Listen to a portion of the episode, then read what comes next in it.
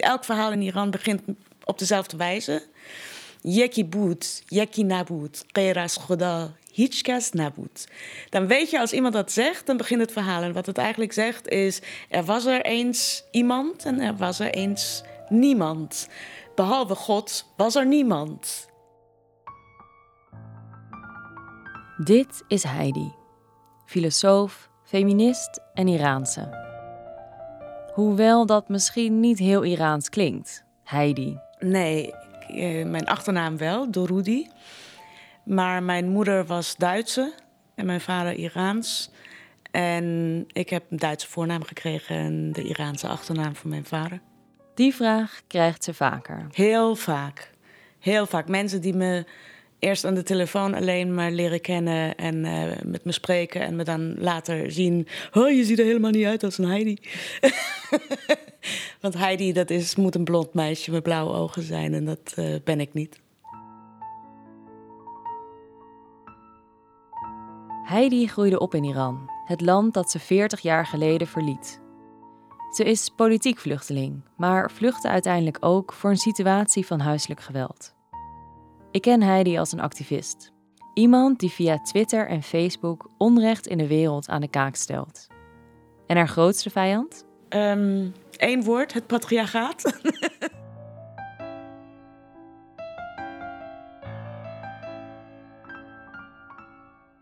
Dit is Sherazade, een podcast over huiselijk geweld in Iran. Maar belangrijker nog, een podcast over hoe vrouwen in Iran de wet en de samenleving proberen te veranderen. Want Iran is een van de weinige landen ter wereld waar geen wetgeving is om vrouwen te beschermen tegen huiselijk geweld. Ik ben Misha en in de vorige aflevering hoorde je over Bita, zelf slachtoffer van huiselijk geweld. Over hoe ze haar verhaal deelt en andere vrouwen uitnodigt om hetzelfde te doen. En over hoe ze zich aansluit bij een landelijke campagne om het taboe rond huiselijk geweld aan te pakken waarbij de vrouwen samen door het hele land trekken om met andere vrouwen te praten over huiselijk geweld. In deze aflevering gaat het verder. Hoe bereiken ze een nog grotere groep met hun boodschap? Deel 2. Er was eens.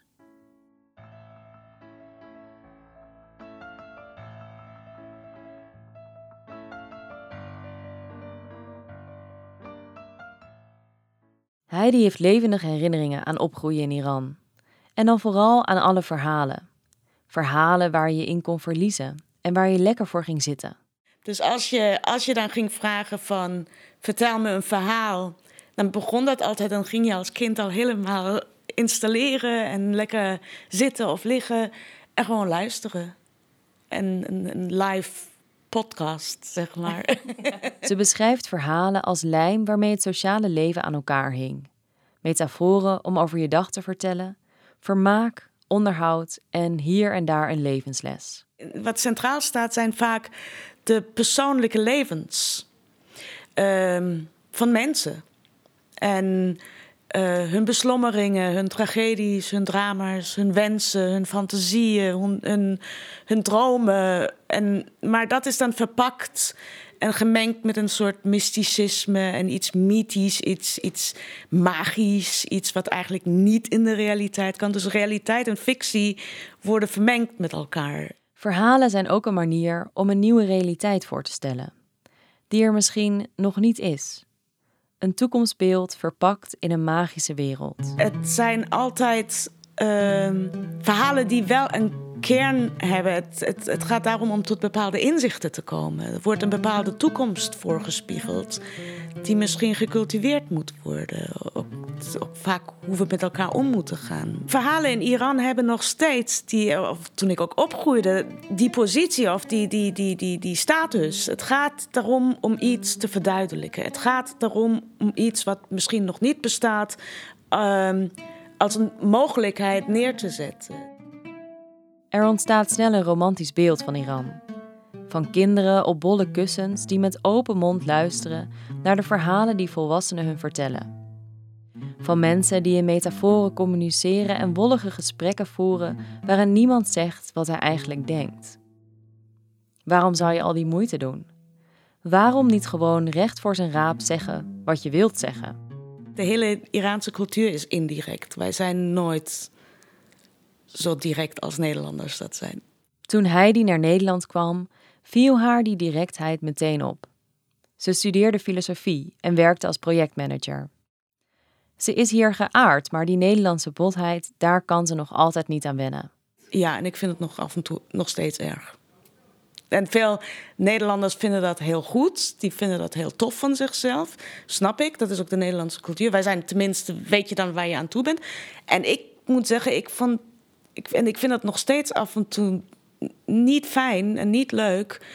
Want het is af en toe heel erg kwetsend. Weet je, ook hoe daar, hoe daar op kosten van andere mensen heel makkelijk grappig gemaakt worden. Zeker ook in een groep. Ik vind dat een vorm van pesten. Ik vind dat daar een bepaalde beleefdheid en bescheidenheid soms op zijn plek is. Liever communiceert ze iets meer indirect, waarbij je elkaars gevoelens respecteert en je kritiek of flauwe opmerking verpakt in een metafoor. Ik werd als kind af en toe, of als jong meisje, ook moe van dat tarof heet dat. Die, die enorme beleefdheid, die af en toe... Dan weet je dat het echt op een gegeven moment niet meer oprecht is. Dat ik af en toe denk, zeg nou gewoon wat je echt bedoelt. Maar je kunt dat. Je, je groeit daarin op in die cultuur en je weet wanneer je iemand kunt vertrouwen en wanneer niet. En dat voel je wel aan. Heidi vertelt over een bekende figuur in de Iraanse verhaalcultuur. Mullah Nasreddin. Een geestelijke die ook wel wordt beschreven als een wise fool en de hoofdrolspeler is in vele moppen en anekdotes. Hij is fictief, hoewel sommigen zeggen dat hij in 1300 echt rondliep in Iran en Afghanistan. De moppen over Mullah Nasreddin zijn moppen met een tweede laag. Moppen die je aan elkaar vertelt om een boodschap op een subtiele manier over te brengen. Stel je bijvoorbeeld voor dat je in een restaurant zit. Je bent student en een avond uit met vrienden. Het is druk in het restaurant en de obers lopen druk heen en weer met volle schalen. Maar hoe vaak jullie de aandacht van de ober ook proberen te trekken, hij heeft nauwelijks oog voor jullie. Er kan nog geen alsjeblieft vanaf en met een knal belandt het eten op jullie tafel. Bij het betalen van de rekening besluit je geen fooi te geven. De ober kijkt je verbaasd aan. En jij vertelt het verhaal van Mullah Nasreddin die naar de hammam gaat. Nou, wat gebeurt er? Mullah Nasreddin gaat naar de hammam. En uh, die bediende daar, die laat hem heel erg links liggen. En doet alleen maar het hoog, hoogst noodzakelijke. Nou ja, op een gegeven moment aan het eind van de, van de, van de dag gaat uh, Mullah Nasreddin weg uit de hammam. En geeft een enorm dikke fooi. Heel dik. En Volgende week, de week daarop, komt hij weer terug. En die bediende denkt: Oh ja, dat is die vent die heeft zo'n dikke fooi gegeven. Ook al, ja, had ik dat niet verwacht. Ik dacht dat is maar een armoedige moela. Nou, en hij bedient hem helemaal van voor naar achteren. En uh, koekjes en thee en uh, schobben en wat dan ook.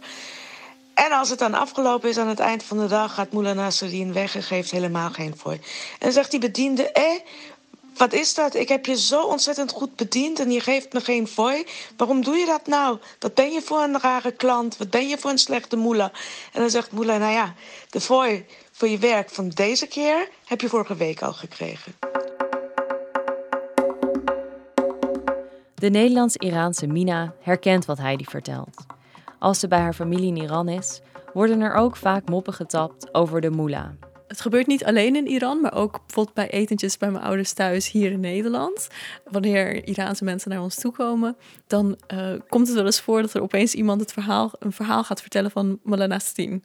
En dan uh, um, is het een grappig verhaal, iedereen moet even lachen en iedereen die heeft dus een klein beetje een reflectiemomentje van, oh ja, dit is de moraal van het verhaal. Niet letterlijk uitgesproken, maar het zit er wel in. Het gaat dan over uh, bijvoorbeeld iemand anders die we allemaal kennen. Of het gaat over iemands oma die dan iets grappigs heeft gedaan. En dan uh, zegt iemand zo van... Uh, oh ja, dat doet me denken aan uh, Molena Die was een keer bla bla. Met een verhaal kun je dus iemand een beetje op zijn nummer zetten. Zonder dat je dat recht in zijn gezicht doet. Je kan natuurlijk ook dan een spreekwoord of een idioom gebruiken... Maar volgens mij werkt het goed om een verhaal te gebruiken, omdat iedereen dan mee kan lachen. In plaats van bij een spreekwoord, dan um, zeg je één ding en dan is het afgelopen. Maar hier gaat iedereen in het verhaal op en uiteindelijk leidt dat tot gelach. Nou, er is uh, één verhaal. Mullah Nasrin heeft een ezel. En uh, die ezel voert hij natuurlijk elke dag. En uh, op een gegeven moment denkt hij, ja, ik ga hem een beetje minder voer geven elke dag. Dus elke dag opnieuw vermindert hij het voer, steeds minder, steeds minder, totdat de ezel op een dag helemaal geen eten meer krijgt. En na een paar dagen gaat de ezel dood. En dan zegt Nasrin, oh wat jammer, hij was net gewend aan weinig eten. die is wel een beetje flauw? En de les? Als je ergens in, uh, niet in investeert, dan krijg je natuurlijk ook niet uit wat je wilde. En dan kun je wel denken, ja, wat jammer nou. Uh, waarom is het niet gelopen zoals ik dacht? Maar eigenlijk is het je eigen schuld. Door het in de mond van Mullah Nasreddin te leggen, maak je jezelf een beetje onschadelijk. Je kunt iets indirect zeggen, zodat je zelf de dans ontspringt en iedereen een beetje tevreden houdt.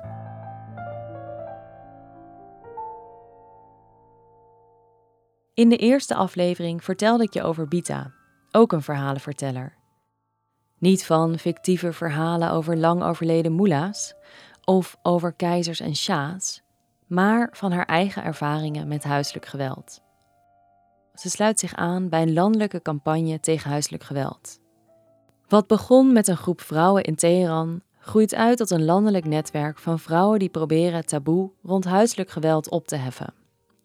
Ze spreken vrouwen aan op straat, in de metro en in de meest afgelegen dorpen op het Iraanse platteland.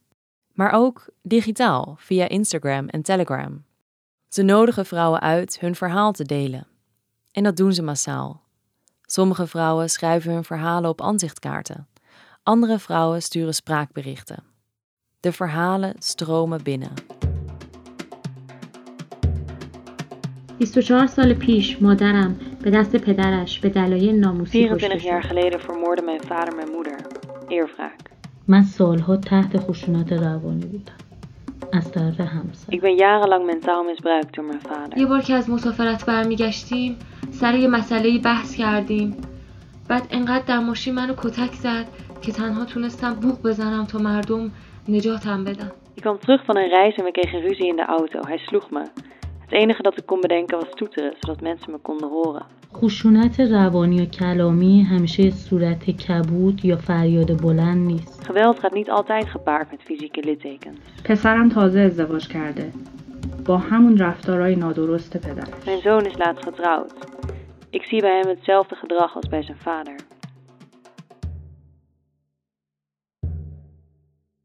Meer dan 500 verhalen krijgen de activisten toegestuurd van vrouwen uit het hele land. Een eerste stap in het doorbreken van het taboe. Maar hun ambities reiken verder. Ze willen de verhalen niet alleen verzamelen, maar ook verder vertellen, zodat nog meer vrouwen de ervaringen van andere vrouwen horen en merken dat ze niet alleen zijn, dat ze niet de enige zijn die dit meemaken.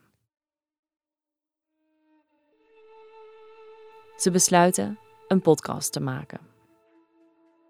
My goal of podcast is uh, i think uh, government is uh, ignoring this violence. And when he doesn't talk about them every woman feel lonely and think this is only my problem. So she be silent and never solve the problem I am trying to tell my experiences and tell them I was just like you, but I survived. You could survive too. Bita's zangstem blijkt een uitstekende voice-over en ze beginnen aan het schrijven van een script. En zoals sommige mensen de verhalen van Mullah Nasreddin vertellen om hun boodschap over te brengen, zoeken ze naar een verhaal dat voor hen als kapstok voor hun boodschap kan dienen. Een verhaal dat onder alle Iraniërs bekend is en dat de aandacht op de verhalen van de vrouwen kan vestigen. En dat vinden ze in een oud sprookje. Het verhaal van Sherazade. یکی بود یکی نبود غیر از خدا هیچ کس نبود We gaan terug in de tijd, naar een fictief land dat ergens tussen India, Iran en Syrië ligt naar een koninkrijk dat wordt bestuurd door een boze koning. Zijn hart is gebroken door zijn vrouw die hem bedroog met een ander. Hij is boos en gekwetst. Zijn nieuwe beleid: elke avond komt er een andere vrouw bij hem slapen. En de volgende ochtend laat hij haar hoofd afhakken. Iedere dag weer. Zo weet hij zeker dat zijn hart niet weer gebroken zal worden. Maar voor het land is dit nieuwe beleid niet echt een goed idee. Het aantal vrouwen neemt in rap tempo af en als de koning zo doorgaat, is het binnenkort afgelopen. En dan is daar Sherazade. Ze is jong en nadat ze zowat alle boeken in de bibliotheek gelezen heeft, is ze op zoek naar een nieuwe uitdaging. Ze biedt zich vrijwillig aan om de nacht door te brengen bij de koning. Want ze heeft een idee. Ze heeft die koning duizend nachten lang verhalen verteld met elke ochtend een cliffhanger. Waardoor hij haar niet ging vermoorden omdat hij zo nieuwsgierig was. Oké, hoe gaat het verder? Na die duizend dagen is hij tot inzicht gekomen en is hij veranderd in zijn denken. Het is hem duidelijk geworden dat zijn beleid niet bepaald duurzaam is en dat hij zijn land de afgrond in aan het brengen is. En zo redt Sherazade haar land. En zoals de meeste sprookjes is dit ook een romantisch verhaal. Aan het eind van de duizend en één nachten zijn ze verliefd. En dus trouwen ze en regeren ze samen het land.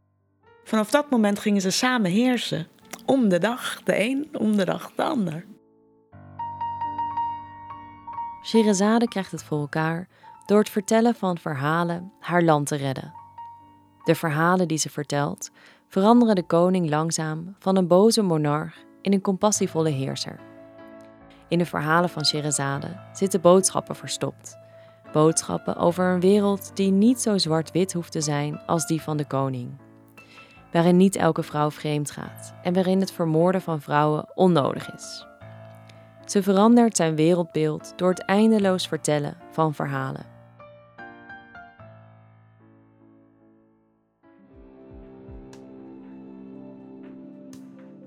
En dat is precies wat de podcast van Bita ook moet doen. Het veranderen van de samenleving door het vertellen van verhalen. Als een moderne Sherazade met als wapen haar verhalen, vertelt Bita de verhalen die ze hoorde door. سلام به این پادکست در مورد خشونت خانگی خوش اومد. Zoals Sherazade de koning een nieuwe toekomst voorstelt, laat Bita zien wat er allemaal gebeurt in Iran. En dat stilte het probleem alleen maar in stand houdt. Aan het eind van de podcast nodigt ze iedereen uit zelf een moderne Sherazade te worden.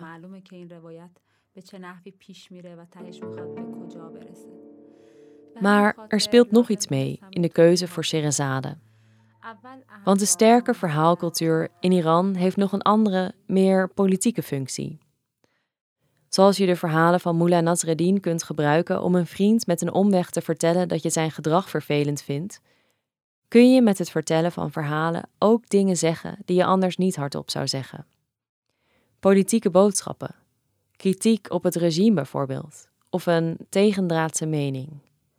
Je verpakt ze in een verhaal, omhult ze met metaforen, in de hoop dat de juiste persoon de boodschap begrijpt, maar de autoriteiten niet door je masker heen kijken.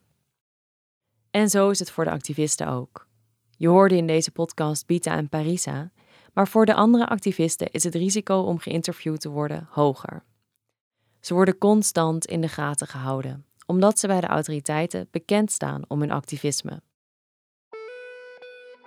En dat heeft ook invloed op de campagne, vertelt B, een van de activisten van het eerste uur. Ik kan haar stem laten horen, maar haar identiteit is verborgen. حکومت با این کارزار خیلی جالب بود. B vertelt dat verschillende vrouwen uit de campagne dagvaardingen kregen en dat ze zelf uren is ondervraagd door de politie.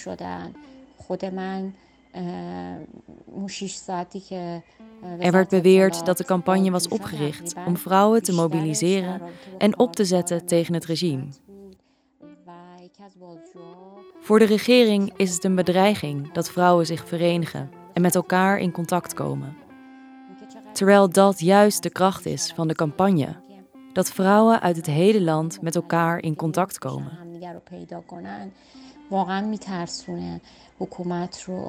و به نظر من نقطه قوت کارزار من خشونت همین پیدا کردن این شبکه ها و آدما تو شهرهای مختلف بود. Zoals Bijman Jafari in de vorige aflevering al vertelde, heeft Iran een lange geschiedenis van vrouwenrechtenactivisme. Maar helaas ook een lange geschiedenis van het opsluiten van diezelfde activisten. Een bekend voorbeeld in het afgelopen jaar is Yassaman Aryani. De jonge actrice protesteerde tegen de verplichte hoofdbedekking door zonder hijab in de metro het bekende protestlied I'm a Woman te zingen en bloemen uit te delen.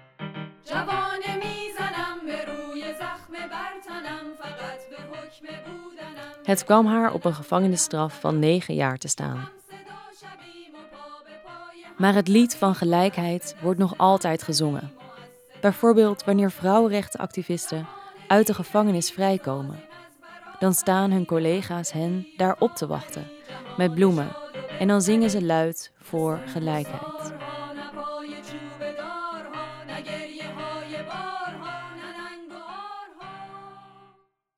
Hoeveel vrouwen er precies vastzitten is niet bekend, maar dat het onveilig is om je hard te maken voor vrouwenrechten is duidelijk.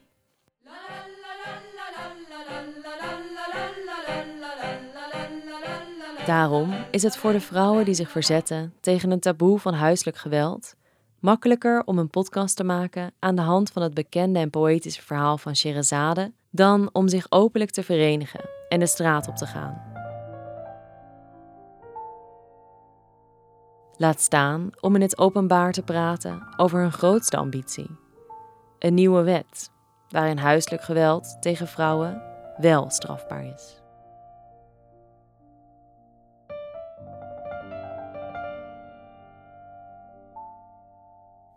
Dit was aflevering 2 van de driedelige podcastserie Sherazade. Dank aan Katinka Beer, Danielle Eemans en Farid Chic voor zijn muziek.